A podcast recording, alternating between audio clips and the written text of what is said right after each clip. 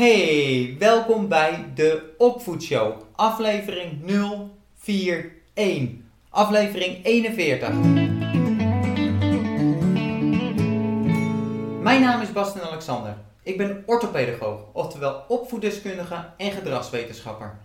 Tijdens de Opvoedshow bespreek ik verschillende tools en technieken met betrekking tot de opvoeding. Daarnaast nodig ik regelmatig andere experts uit om samen dieper op specifieke onderwerpen in te gaan. Ben je klaar voor? Laten we beginnen!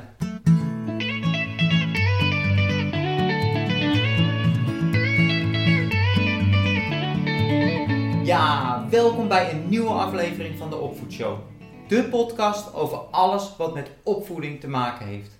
En dit kan dus direct zijn in contact met de kinderen en in de opvoeding van de kinderen. Maar het kan ook over zaken gaan die indirect, maar toch een grote impact hebben op de opvoeding. En in deze laatste categorie valt deze aflevering. Ik ga namelijk samen met Suzanne Stijnen in op de echtscheiding van ouders. Nou, en als je tijdens het luisteren nou aan iemand denkt die deze informatie goed kan gebruiken, sharing is caring. Vergeet niet om de aflevering te delen. En daarbij laat me ook weten wat je van de aflevering vond. Welke tips sprak je het meeste aan? Vergeet ook niet om een recensie achter te laten. Ik waardeer het enorm. Nou, iedereen ziet een gelukkig gezinnetje voor zich. Als je aan het hebben van kinderen denkt. Een mama, een papa, gezonde kinderen. Maar helaas gaat dit niet altijd op. En uiteraard vind ik dat je er van alles aan moet doen om bij elkaar te blijven. Een relatie, helemaal met kinderen, gaat nooit vanzelf en er is altijd werk bij betrokken. Werk wat gedaan moet worden.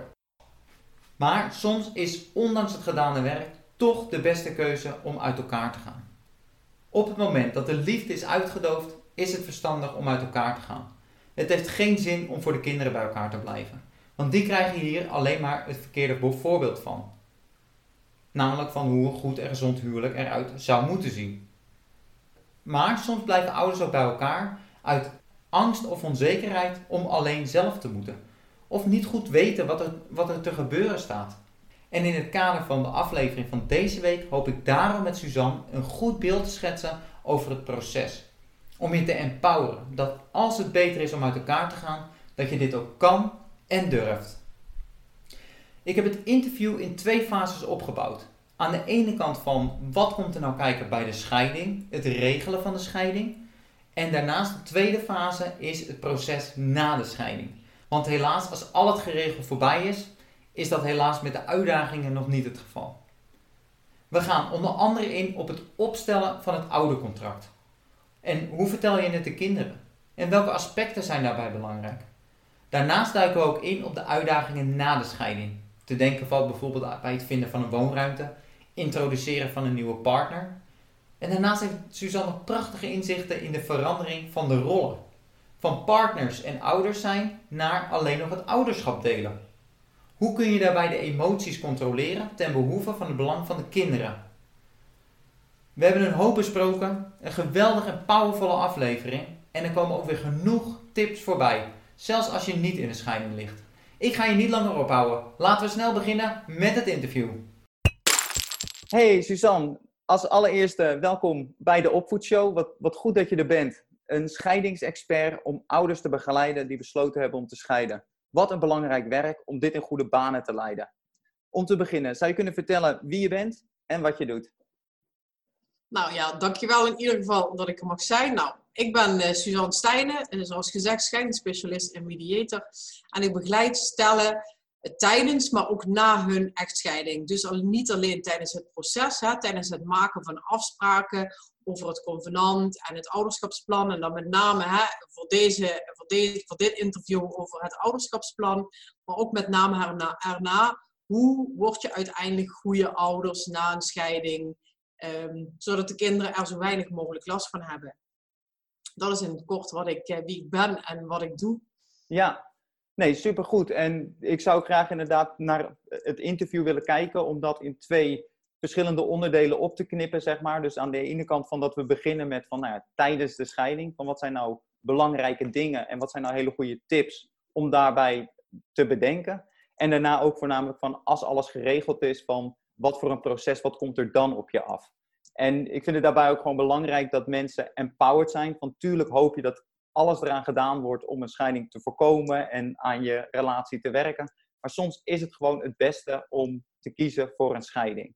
Nou, en dan zou ik willen dat mensen zich empowered voelen, weten hoe een proces er een beetje kort uitziet. Van dat ze weten van ja, ik durf dit, ik kan dit en dat je niet om de verkeerde redenen eigenlijk bij elkaar blijft.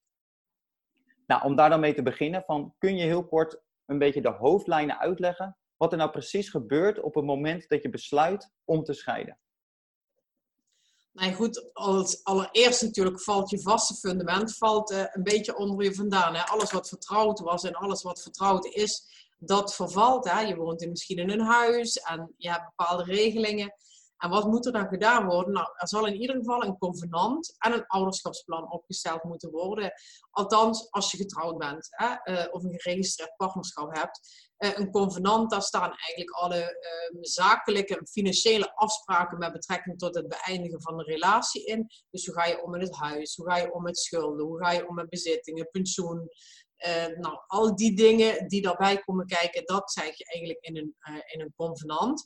Nou, en daarnaast moet je als je kinderen hebt een ouderschapsplan opstellen. En in een ouderschapsplan maak je alle afspraken met betrekking tot de kinderen.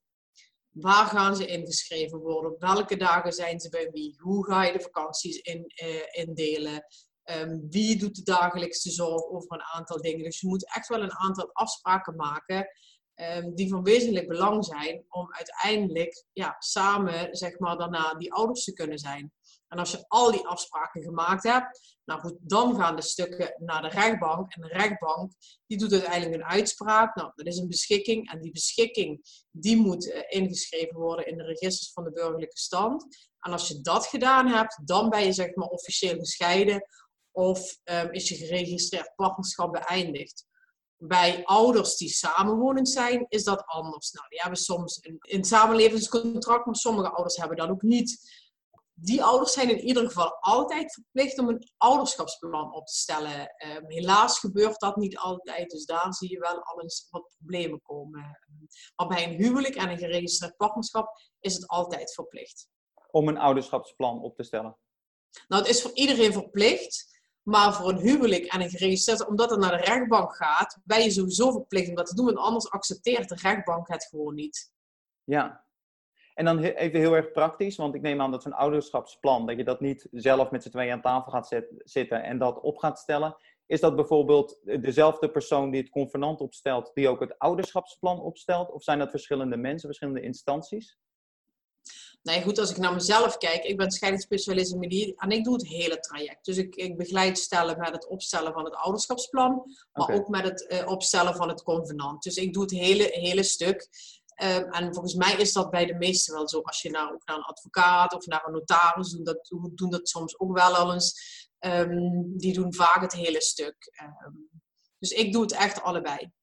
Ja, en als je dan kijkt van, om nog even terug te komen op het proces. En ik neem aan dat dat per geval verschillend is van hoe lang dat duurt. En ook van hoe snel je eigenlijk tot overeenkomsten komt. Maar als je kijkt gewoon van begin tot het eind, een ruwe schatting. Hoe lang duurt zo'n proces ongeveer voordat het ook echt daadwerkelijk binnen de burgerlijke stand geregeld is dat de scheiding officieel is? Dat kan soms wel een half jaar duren.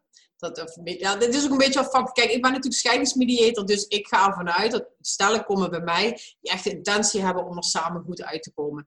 Een vechtscheiding kan natuurlijk jaren duren. Dus ik ga even uit van, van de mensen die de beste intenties hebben. Nou, gemiddeld duurt een scheidingstraject bij mij, dus de afspraken bij mij, twee tot drie maanden. Is ook een beetje afhankelijk hoe snel een aantal dingen gaan, hoe, hoe snel ouders in het proces gaan. Soms hebben ze wat langer de tijd nodig, zijn de emoties wat meer. Sommigen zijn binnen een maand klaar, sommigen willen drie maanden. Nou, dat is een beetje de gemiddelde tijd bij mij, maar dan gaat het dus naar de rechtbank. En bij de rechtbank ligt het eigenlijk op de stapel tot het moment dat uh, de rechter de uitspraak doet. En het is afhankelijk van hoe groot dat die stapel is, um, hoe lang dat dat duurt ik zeg meestal, de langste heeft bij mij denk ik vier, vijf maanden ooit geduurd en de kortste een maand. Dus ik, als klanten bij mij zitten bij de laatste afspraak, zeg ik reken erop dat het twee, drie maanden duurt voordat het, dat het allemaal geregeld is. Dus ongeveer twee maanden bij, bij de rechtbank, tweeënhalve maand. En dan gaat het nog naar de, naar, de, naar de burgerlijke stand van de gemeente. En dat is ook een beetje afhankelijk hoe snel. De ene gemeente schrijft het sneller in dan de andere gemeente. Maar meestal is dat ook, als je hem heel ruim pakt, dus duurt het nooit langer dan een maand. Meestal is dat binnen een week, twee weken is dat geregeld. Ja. Ja. Nou ja, oké. Nou, dat, dat is in ieder geval goed om te weten. En dan, je gaat dan die scheiding in. Om nog even terug te komen op dat proces van, nou, je besloten om te gaan scheiden. Je gaat het proces in, je zoekt de juiste hulp daarbij. En je geeft al aan van dat het soms hebben mensen eigenlijk de, de goede bedoelingen, de meest positieve bedoelingen, om er samen uit te komen en niet het onderste uit de kant te willen halen en echt daar een vechtscheiding van te, te maken. En nou ja, we focussen natuurlijk op ouders met kinderen, dus waardoor het extra belangrijk is om die scheiding zo vloeiend mogelijk eigenlijk te laten gaan. En niet eens per se voor jezelf, maar voornamelijk ook voor de kinderen, om die ervaring eigenlijk zo, zo minder traumatisch mogelijk te maken. Kun je aangeven wat een vechtscheiding van, wat zijn nou kenmerken van een relatie, van een stel, van een intentie om zo'n vechtscheiding te voorkomen? Van hoe kun je nou zo'n vechtscheiding voorkomen dat, ondanks dat je met de juiste intenties erin gaat, dat dat niet wegzakt of dat dat sideways gaat van wat kun je daar concreet mee doen? Nee, het is in ieder geval al een besluit. Daar begint het mee. Je moet al besluiten van, God, wij willen dit samen goed regelen. En daarbij zit er gewoon een gunfactor. Kijk, als je, als je met advocaten aan de slag gaat, er is een juridisch kader. En dat juridisch kader, de gaat, de ene advocaat kan links gaan trekken en de andere advocaat kan rechts gaan trekken. En ik zeg hier altijd, ik ga met jullie kijken binnen de mogelijkheden die er zijn. En de ene keer komt het misschien linksboven uit en de andere keer rechtsonder, maar gemiddeld komen jullie wel goed uit. Dat betekent dat je soms water bij de, bij de wijn moet doen om, om er samen goed uit te komen. En dat wil niet zeggen dat jij het beste op dat moment krijgt. En dat is denk ik het allerbelangrijkste. Ja, dat je elkaar iets gunt, maar dat je ook gaat kijken van wat is het beste voor ons allemaal. Want wat het beste voor mij is, wil niet zeggen dat dat het beste voor jou is, maar kan gemiddeld voor ons als gezin wel het allerbeste zijn. En dat is vaak het lastige. En het zijn vaak natuurlijk wel financiële dingen. En als het om geld gaat, worden mensen vaak wel, hè, ja, is dat wel lastig. Zeker als er ook nog emoties bij komen. Maar dat is het belangrijkste. Ik gun je iets. En uh, we kijken naar het grote geheel. En we kijken niet naar ik. Nee, we kijken naar wij. En dat, dat is denk ik een van de belangrijkste voorwaarden om er samen op een goede manier uh, uit te komen. Ja, ja, ik vind het wel mooi wat je zegt, want je komt het vaak tegen dat mensen in een discussie zitten en dat ze eigenlijk heel erg in de hoe-discussie zitten. Maar het waarom en het doel, dat is vaak gemeenschappelijk. Van dat je inderdaad, en helemaal als ouders met kinderen, van dan het gezamenlijke doel is het gezamenlijke doel. Van dat, dat blijft staan. En dat, wat, hoe dat dan gedaan wordt en, en de details, van daar kun je dan over onderhandelen inderdaad. Maar inderdaad, het gezamenlijke doel voor ogen houden omdat dat uh, zo belangrijk is, inderdaad. Ja, ja dat, dat is het allerbelangrijkste. En dat betekent gewoon echt soms water bij de wijn doen. En da, dan zie je wel al eens dat, hè, uh, ik, ik pak bijvoorbeeld een voorbeeld van een woning. Nou, er is een koopwoning en een van beiden kan er niet in blijven wonen, de andere net wel, maar niet tegen de hoofdprijs. En dan zie je wel eens dat mensen zeggen van nou, ik, de verkoopprijs maken we iets lager of tegen de WOZ-waarde, omdat ze het zo belangrijk vinden dat de ex-partner in die woning blijft. En niet alleen de ex-partner, maar dat de kinderen daardoor niet aan twee nieuwe huizen hoeven te wennen, maar, maar aan één nieuw huis. En dat in één huis gewoon alles blijft zoals het is. En dat is natuurlijk, als je gaat vechten, eh, en, en, en uh, ik zeg maar wat, de WOZ-waarde is 2,50 en de, en de werkelijke waarde is 2,80 en je gaat voor die 2,80, dan kan het misschien niet. En als jij denkt van, nou weet je, dan, dan krijg ik die 15.000 euro maar niet. Hè? Dat, het klinkt heel vreemd dan. Uh, maar dan hebben mijn kinderen en mijn ex wel um, een huis waar ze kunnen blijven en hoeven niet op zoek naar twee huizen.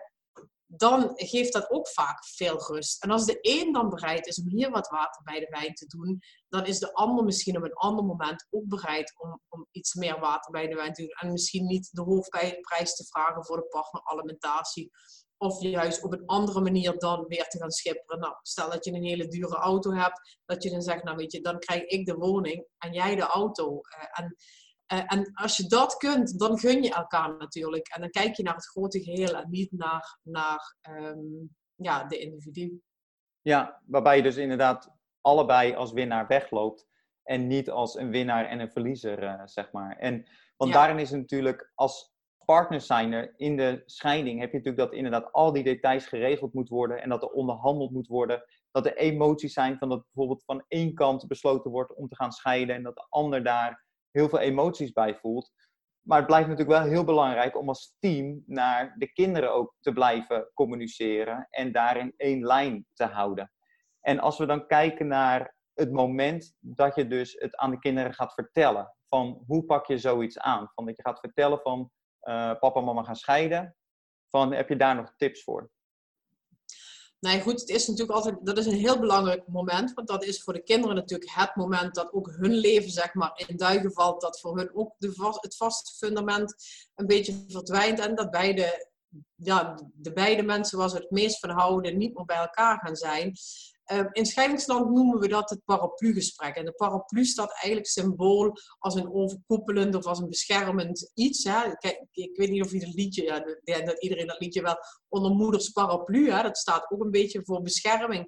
En dat paraplugesprek, dat betekent van wij eh, als ouders gaan jullie als kinderen uit de regen aan de wind houden. Dus wij gaan ervoor zorgen dat jullie samen uh, goed, groot worden en dat wij dat samen gaan zorgen. En er zijn een aantal stappen die je, die je daarin in kunt gaan doen. En het allerbelangrijkste is, is dat je het samen vertelt en aan alle kinderen tegelijk. Um, dus niet dat je denkt van nou, er zitten wat jongere kinderen bij, eh, die vertellen we wat later. Nee, alle kinderen tegelijk, hoe oud of hoe jong dat ze ook zijn. Het is één ervaring die je dan samen als gezin meemaakt.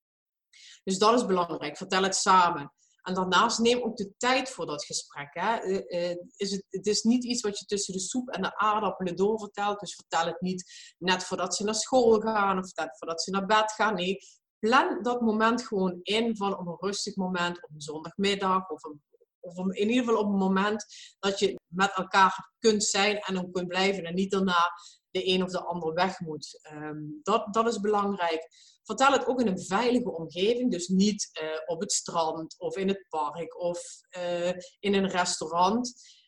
het is een moment wat kinderen nooit meer vergeten. Het is echt ook voor kinderen een ingrijpend moment. Dus uh, zorg dat het um, op een veilige plek is, maar niet te veilig. Dus bijvoorbeeld niet op een slaapkamer van kinderen, want dat is een plek waar ze zeker als ze in het huis blijven wonen, um, continu geconfronteerd worden op het moment als ze op die kamer zijn. Van, oh, hier hebben papa en mama mij dat verteld.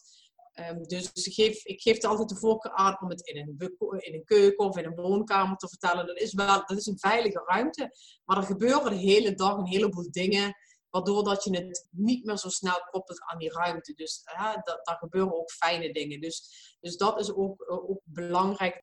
Nou, vertel het um, op een veilige plek. En dan is het ook belangrijk dat je samen goed afspreekt wat je gaat vertellen.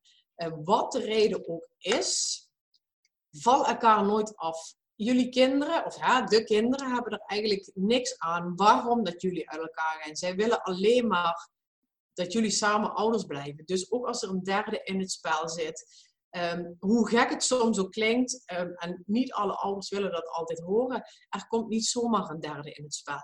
Dat is heel vervelend, maar er is een broze relatie geweest waar je beide verantwoordelijk voor bent dat die relatie niet, uh, die verbinding niet op een goede manier stand heeft gehouden. Dus als, als je samen uit elkaar gaat, die verbinding verbreekt, nou ja goed, dan ben je ook samen verantwoordelijk voordat er een derde tussen komt. Nou, niet iedereen is blij om dat te horen. Um, dat de manier niet al te chic is, nou goed, hè, daar hoeven we, hoeven we denk ik niet over te discussiëren. Maar pak ook je eigen verantwoordelijkheid voor het gesprek, maar ook voor het niet slagen van de relatie. Dus dat is heel belangrijk. Dus als je van tevoren gaat bepalen wat gaan we vertellen, ga dan elkaar niet afvallen en ga ook geen schuldigen uh, aanwijzen. Want de vraag is of er überhaupt wel een schuldige is. Je bent samen verantwoordelijk voor het niet slagen van deze relatie. Ja, en ik, daar wil ik ook inderdaad nog bij zeggen van dat het voor de kinderen die dat gevoel van veiligheid zo belangrijk is. En op het moment dat er inderdaad een schuldig is, dan ga je dus al heel gauw in goed en fout en zwart en wit kijken. En dat geeft voor kinderen naar beide ouders toe een heel onveilig gevoel. Van dat ze dus het gevoel hebben van, hé, hey, iemand liegt dus tegen mij. Want één zegt dat het ander schuld is en de ander zegt van niet. Van, en dat dat heel veel onduidelijkheid geeft en daarmee onveiligheid. Dus ondanks dat het het gevoel geeft van, nou, dan komen ze aan mijn kant te staan. Dat is dus niet per se zo. En dat het eigenlijk alleen maar een onveilig gevoel daarin geeft. Ja, ja, voor de kinderen is dat natuurlijk uh, killing, ook voor het loyaliteitsconflict. daardoor ja, staan, ze, staan twee ouders tegenover elkaar en zij weten niet, moet ik nou naar de linkerkant gaan of moet ik nou naar de rechterkant gaan? Ik noem het altijd, weet je, je bent als ouders, ben je de vier pijlers van een brug. En als één van die pijlers of, uh, maar niet in stand blijft, dan gaan die kinderen dus op die brug wankelen. En daar ben je samen verantwoordelijk voor. Dat je samen zorgt dat die pijlers als ouders er blijven staan. Ook al zijn er op partnerschapniveau hele vervelende dingen misschien wel gebeurd. Ja, hele mooie metafoor inderdaad. Ja, ik laat hem ook bij ouders wel eens doen. Hè. Ik heb hier, ik heb hier zo'n zo, zo, zo touwladderbrug heb ik gemaakt. Hè. En dan leg ik dan een knuffeltje op en dan vraag ik ze een van beiden eh, hem soms los te laten. En dan wordt het ook echt heel zichtbaar dat ze zien van, oh maar wacht even. Dit is wat ik dus doe op het moment dat ik zorg dat één van die vier pijlers um, niet in stand blijft. Uh, en dat, dat helpt vaak wel. Ja, ik denk ook om, om met je eigen emoties om te gaan. Als je dat hogere doel echt ziet. Van ja, ik doe dit niet om mijn eigen pijn of frustratie bot te vieren. Maar ik, ik doe mijn kinderen daar nog veel meer pijn mee. Dus dat het misschien makkelijker is om dat ook te onderdrukken, zeg maar. Ja, ja. ja. dus dat, ja, goed, dat is altijd een hele goede.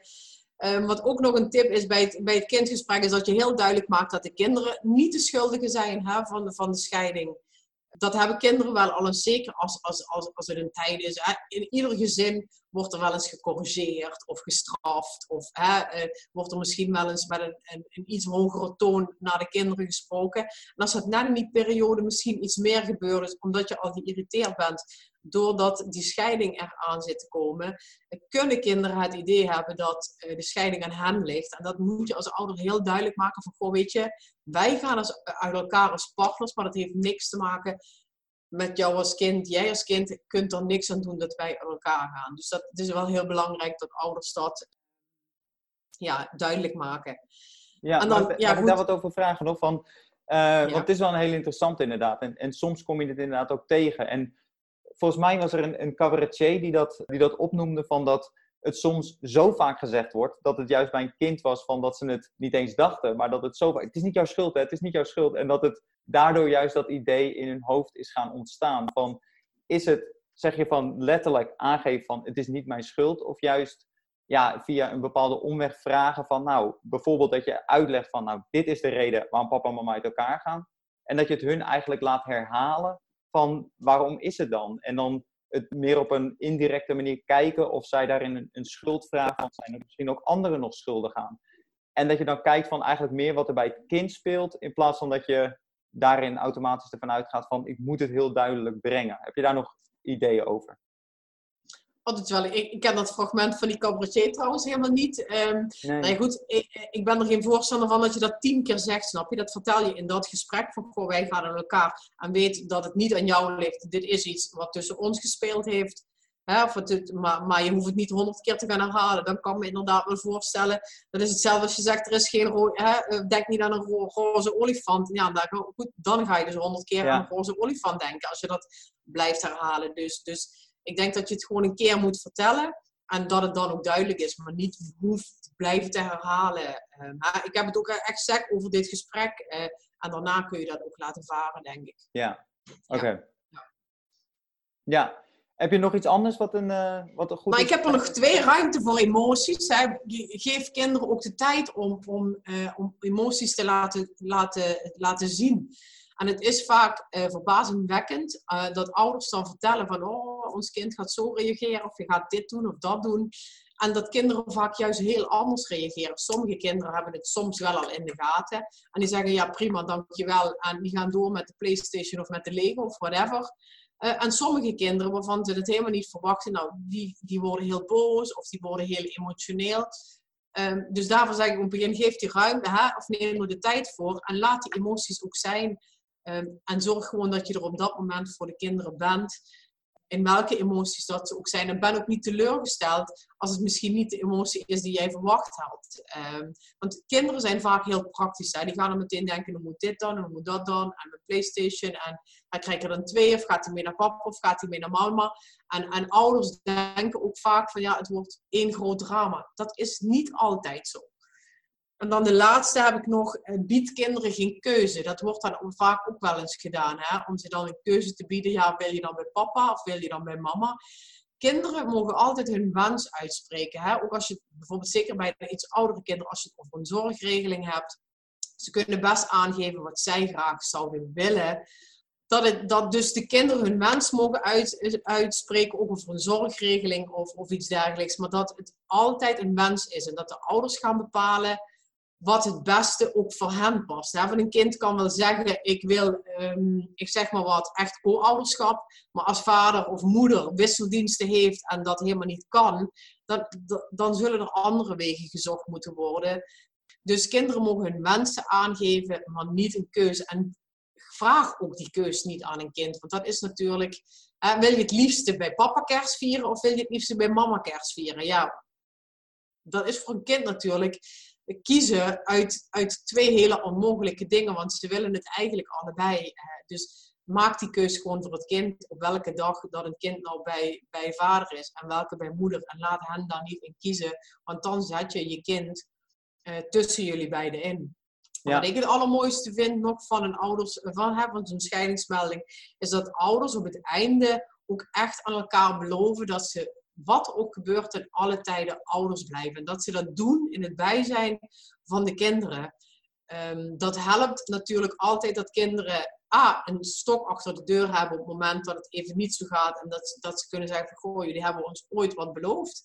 Maar het geeft ook aan, als je dat als ouders naar de kinderen uitspreekt, uh, dat kinderen niet in dat loyaliteitsconflict hoeven te komen. Want als je uitspreekt, je mag van ons allebei houden en je, je, wij gaan er allebei voor zorgen dat jullie groot worden, dan, ehm, ja, dan heb je dat uitgesproken. Dan hoeven kinderen daar niet meer over na te denken. Ehm, dus dat is eigenlijk een beetje ehm, het doel en, en de opzet van een, van een scheidingsmelding naar kinderen. Ja.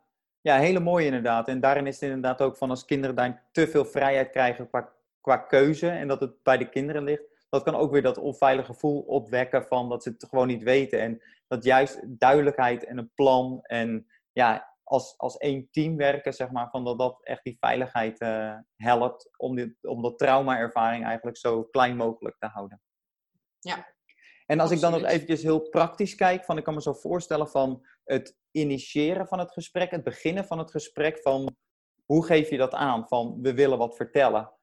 Hoe kun je dat zeg maar balanceren tussen er komt iets serieus aan en van we gaan nu iets, iets dramatisch brengen. Van hoe kun je zo'n gesprek echt initiëren van je bent bij wijze van spreken thuis, kinderen zitten op verschillende kamers, zijn aan het spelen. En je hebt besloten van nou nu gaan we dat gesprek voeren. Van hoe breng je iedereen bij elkaar en hoe open je het gesprek?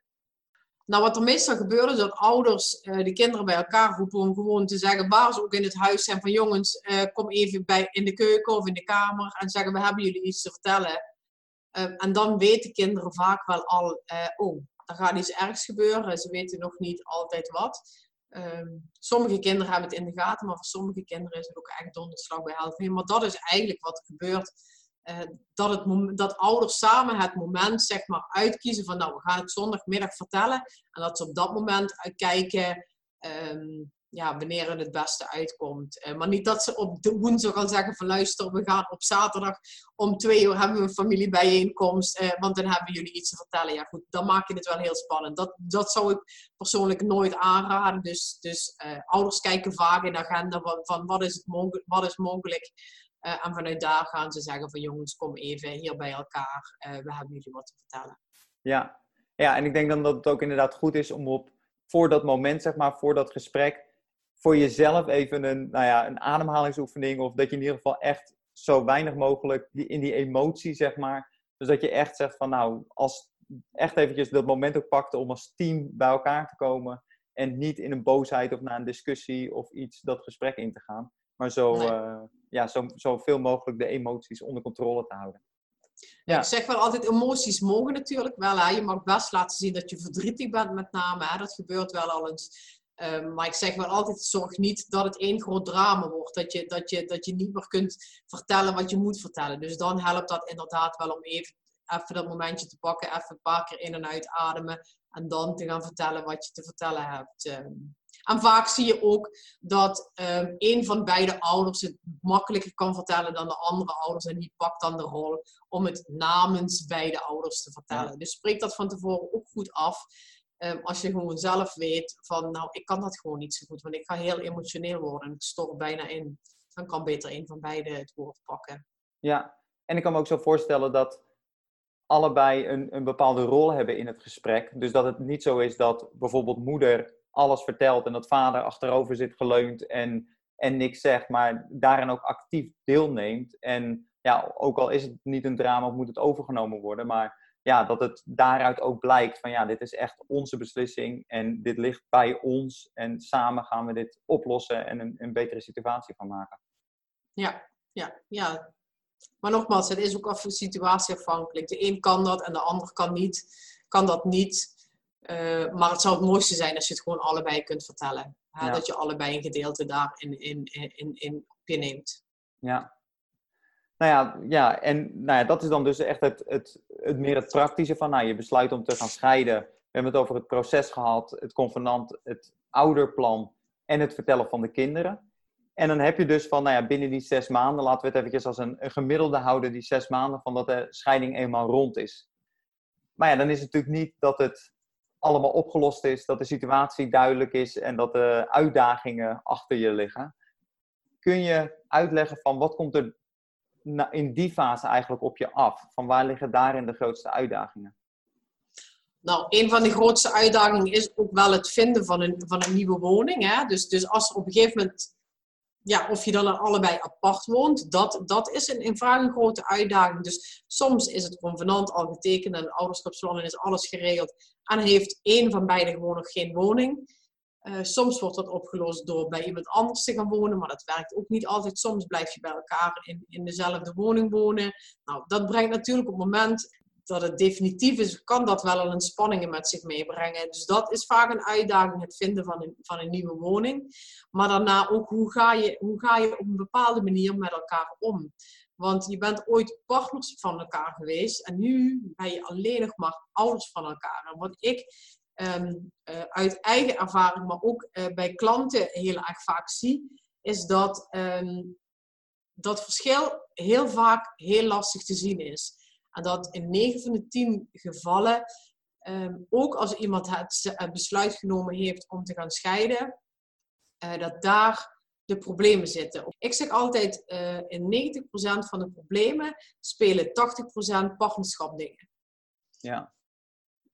En ouders zien vaak het verschil niet. Uh, dus stel dat ik, dat ik tien keer op een dag app over wat er met de kinderen is, kan dat bij de ander wel een irritatie opleveren. En dat is dan niet irritatie op ouderschapniveau, want de andere ouder wil vaak best wel weten hoe het met de kinderen gaat, maar heeft gewoon geen zin meer om tien keer op een dag een appje van een ex-partner te ontvangen. Dus de irritatie zit hem dan in die tien appjes.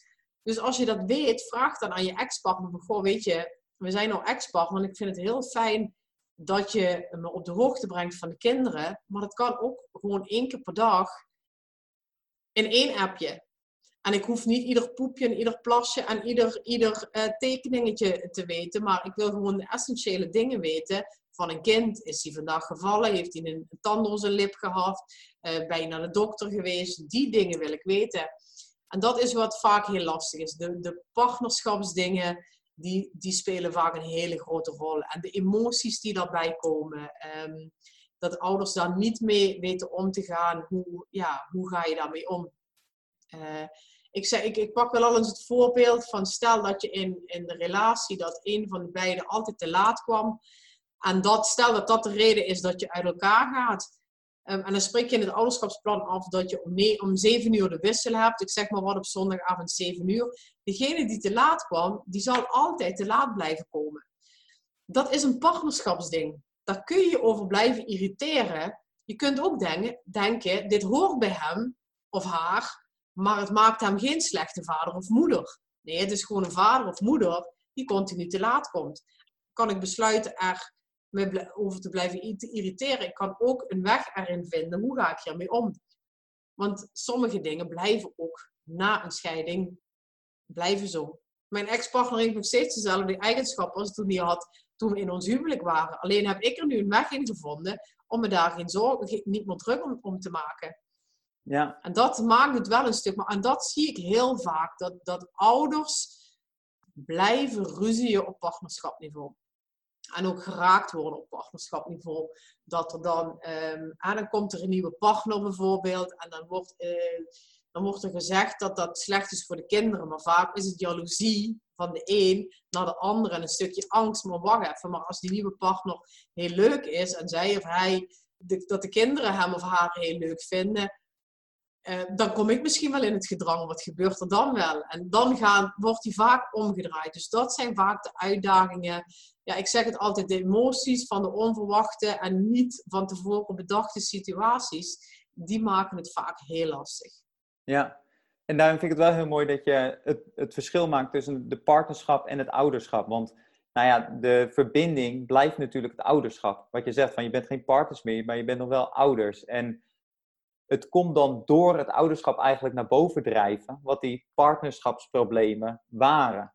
En door dat heel duidelijk te scheiden en heel duidelijk te zien van ja, maar dit is niet een ouderschapsprobleem, maar een partnerschapssysteem. Probleem, kan ik me voorstellen dat, dat het voor een ouder misschien makkelijker ook is om er op dat moment mee om te gaan. Om dat echt los van elkaar te zien de ouders die dit vertellen, dan gaan we ook echt met voorbeelden aan de slag wat er gebeurt. Je ziet gewoon echt dat de kwartjes vallen, dat er echt Eureka-momenten komen. Maar wacht even, dit is echt partnerschap. En als ze dat kunnen scheiden, dan, ja, voor mij, toen ik dat doorhad, dat was voor mij het moment dat alles veranderde. Ja. Ik ben er ook echt van overtuigd dat als je dat doorhebt en dat ziet, dat daar de opening ligt naar, naar echt samen ouders zijn. Maar dat wil niet zeggen dat ik me niet meer irriteer aan dingen van mijn ex-partner. En hij zal zich ook best nog wel aan dingen van mij irriteren. Want, maar we zijn zoals we zijn. Maar als ik het los kan zien van wat hij als ouder, hè, als vader voor onze kinderen doet, dan denk ik ja, dan, dan maakt het helemaal niks meer uit. Ja, en, en daarin is het ook van de betekenis die je eraan geeft. Van, aan de ene kant kan je er inderdaad heel erg aan blijven irriteren. Maar je kan het ook zien als van, nou ja, daar heb ik dus niet meer op dagelijkse basis mee te maken. Of een bevestiging van we hebben de juiste keuze gemaakt. En dat het juist een bepaalde empowering of een positieve emotie met zich meebrengt. Omdat het niet meer over je kinderen gaat. Omdat, niet, omdat je het niet meer ziet van ja, maar dit gaat ten koste van de kinderen of iets. Dat je dat los van elkaar gaat zien. Ja. ja. Hele goede tip. Uh, heel erg mooi. Nou, en dan het volgende stukje is natuurlijk dat er dan nou ja, vaak ook nieuwe partners in het leven komen.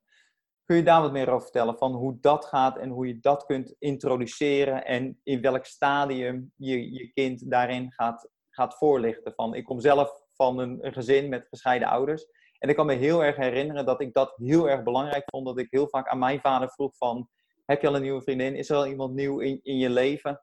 En dat daar bij mij altijd een onzekerheid zat van, hij is daar niet helemaal open of eerlijk over.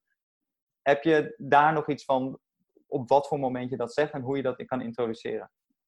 Nou ja, daar heb ik wel een idee over. Ehm, ik, ik, ben er altijd, sowieso altijd van overtuigd dat je eerst moet zorgen dat je zelf uh, goed op je plek zit, dat de dingen goed geregeld zijn, dat de kinderen goed gewend zijn aan de nieuwe situatie, voordat je met een nieuwe partner op de proppen komt.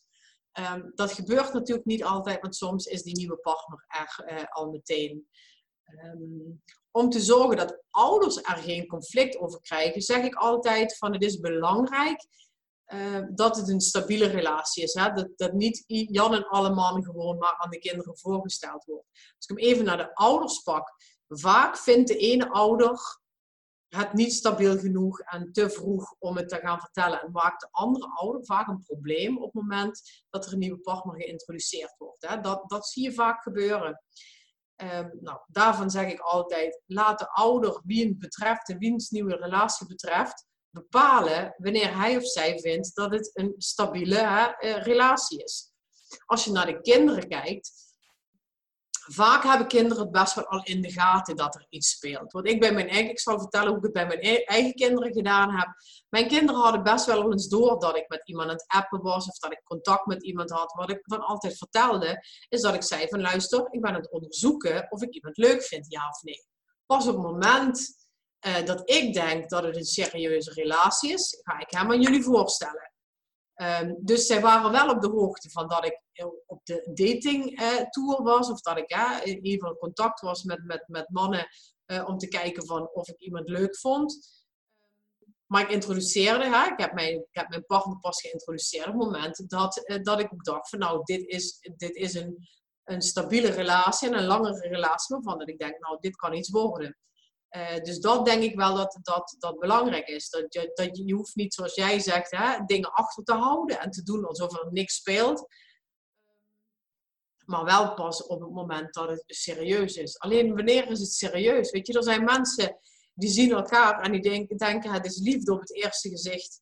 Um, en wij horen bij elkaar en de dag daarna willen ze het aan de kinderen voorstellen. En je ex-partner denkt, nou, die is echt koekoek.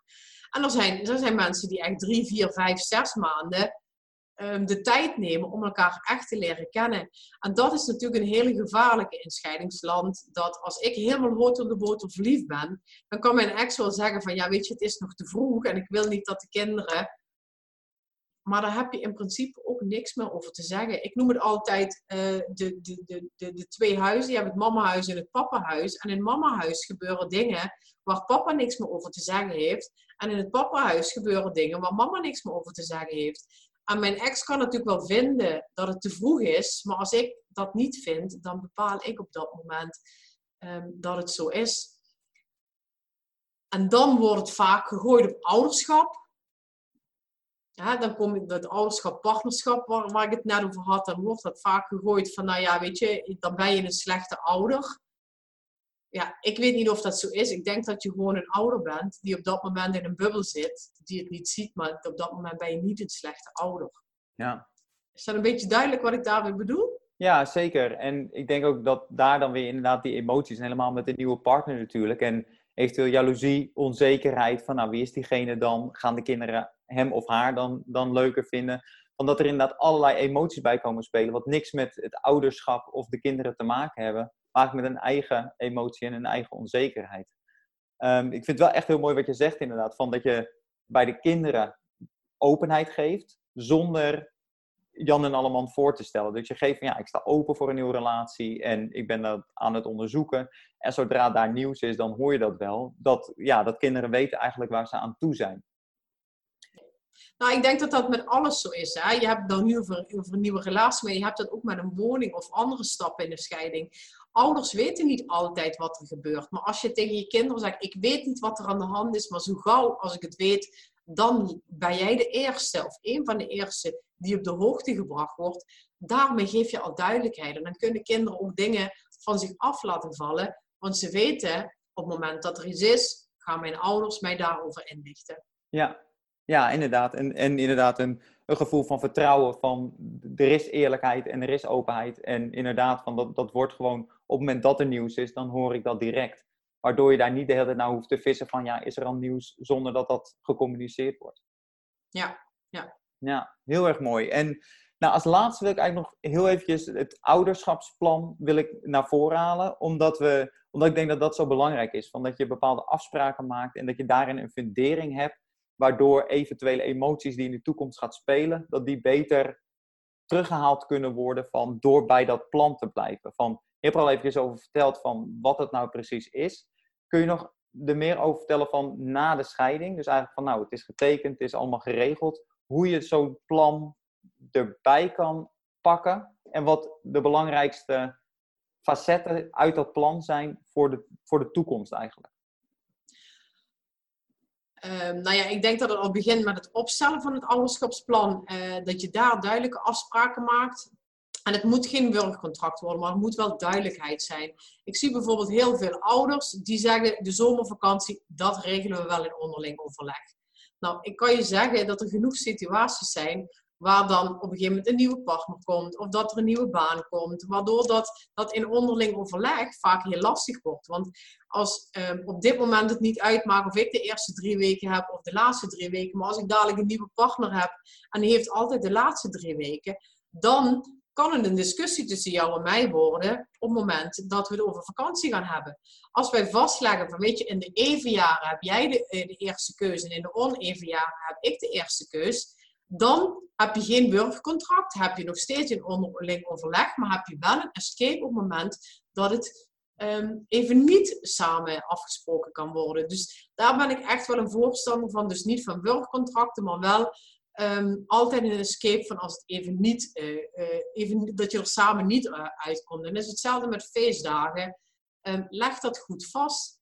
Om, om, om te kijken van heb ik ze altijd eerste kerstdag, heb ik ze altijd tweede kerstdag of wisselen dat per jaar. Um, want wat ik door de jaren gezien heb, is dat in onderling overleg wordt vaak in onderlinge ruzie.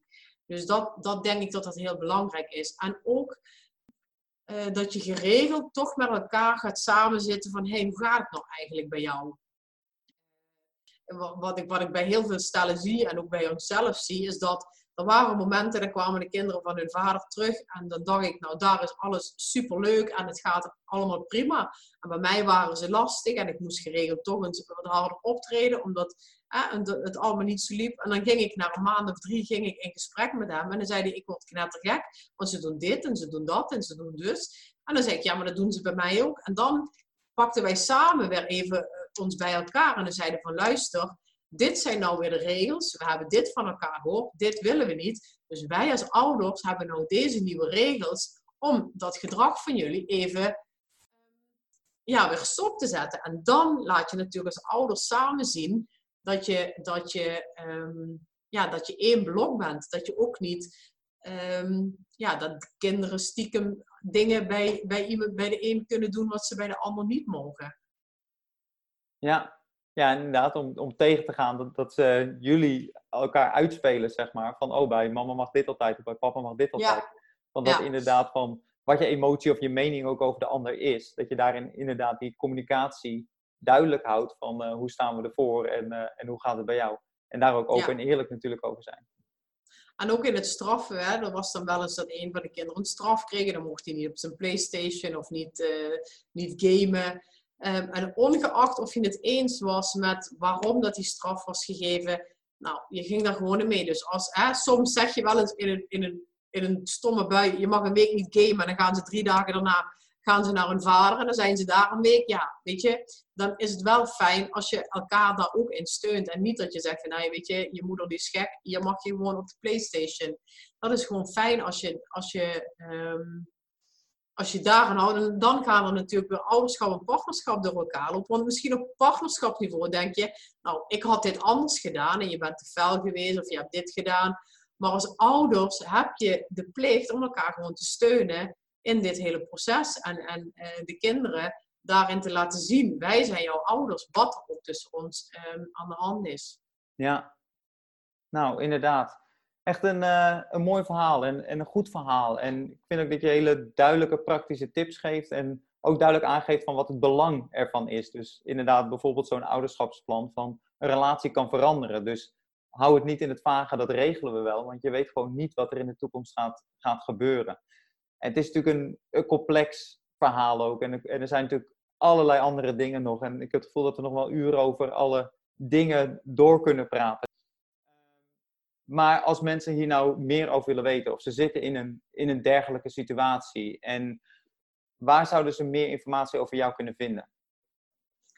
Nou, ik heb een website, www.suzannesteinen.nl. Nou, daar kun je, kun je een heleboel vinden. Ik heb uh, twee e-books, e-books heb ik geschreven. Eentje van maak van je echtscheiding geen vechtscheiding. En eentje scheiden met kinderen. Hoe doe je dat? Nou, ik weet niet of dat de titel is, maar in ieder geval zoiets.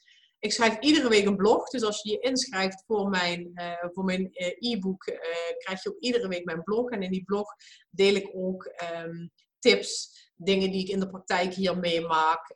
maar ook dingen die ik zelf heb meegemaakt. En hoe ik dat omgezet heb om uiteindelijk een succesvolle scheiding te, te, te maken, te creëren. Dus daar ben ik eigenlijk te vinden. Instagram ben ik te vinden. Facebook ben ik te vinden. LinkedIn ben ik te vinden. Dus ik ben redelijk actief met het delen van, van alles wat maar te maken heeft met een scheiding. Met als doel dat alle kinderen ooit ouders hebben. Nou ja, goed. Het zou het mooiste zijn als ouders niet meer gaan scheiden. Ik denk niet dat we dat helemaal kunnen gaan voorkomen. Maar wel dat uh, als ouders gaan scheiden, dat ze dat op een super manier doen en hun partnerschapsproblemen aan de kant kunnen zetten, zodat ze samen ouders kunnen zijn. En ja. daar ga ik me volledig voor inzetten. Heel erg mooi. En Ik zal ook zorgen dat de links van de websites en van de e-boeken in de show notes terechtkomen, zodat mensen zich dat makkelijk kunnen, kunnen vinden. En op Facebook, Instagram en LinkedIn, onder welke naam? Is dat gewoon Suzanne Stijnen of zit daar nog wat bij? Op LinkedIn zit ik gewoon onder Suzanne Stijnen. Facebook zit ik volgens mij Suzanne Stijnen, scheidingsspecialist en mediator. En op Instagram heet ik scheidingsspecialist Suzanne. Oké. Nou, heel erg mooi. Ik wil je bedanken voor, voor je tips en voor je tijd en voor je ja, goede informatie. En uiteraard voor, voor je werk, wat je doet om uh, inderdaad scheidingen zo, zo goed mogelijk te laten verlopen voor, uh, voor alle partijen. Nou ja, graag gedaan. Ik voelde me vereerd dat ik het mocht vertellen. Dus graag gedaan. Ja, dat was hem alweer. Het interview met Suzanne Stijnen. Wat een duidelijk verhaal en goede tips zijn er weer naar boven gekomen. Een echtscheiding is altijd pijnlijk. En iedereen hoopt het te vermijden. Maar zoals gezegd, soms is het, is het de beste keuze om wel uit elkaar te gaan. En dan is het belangrijk om dit op een zo constructieve manier te doen. En niet de negatieve emoties de overhand te laten hebben. En het is prachtig wat Suzanne doet en hoe zij zich inzet om dit in zo goed mogelijke banen te begeleiden. Heb jij de opvoedshow al met iemand gedeeld? Al zou het maar met één iemand zijn, dat zou al een enorme impact hebben. Vergeet ook niet om een recensie achter te laten. Dit was de aflevering voor deze week. Onthoud, wat is jouw doel voor de opvoeding en houd deze helder voor ogen.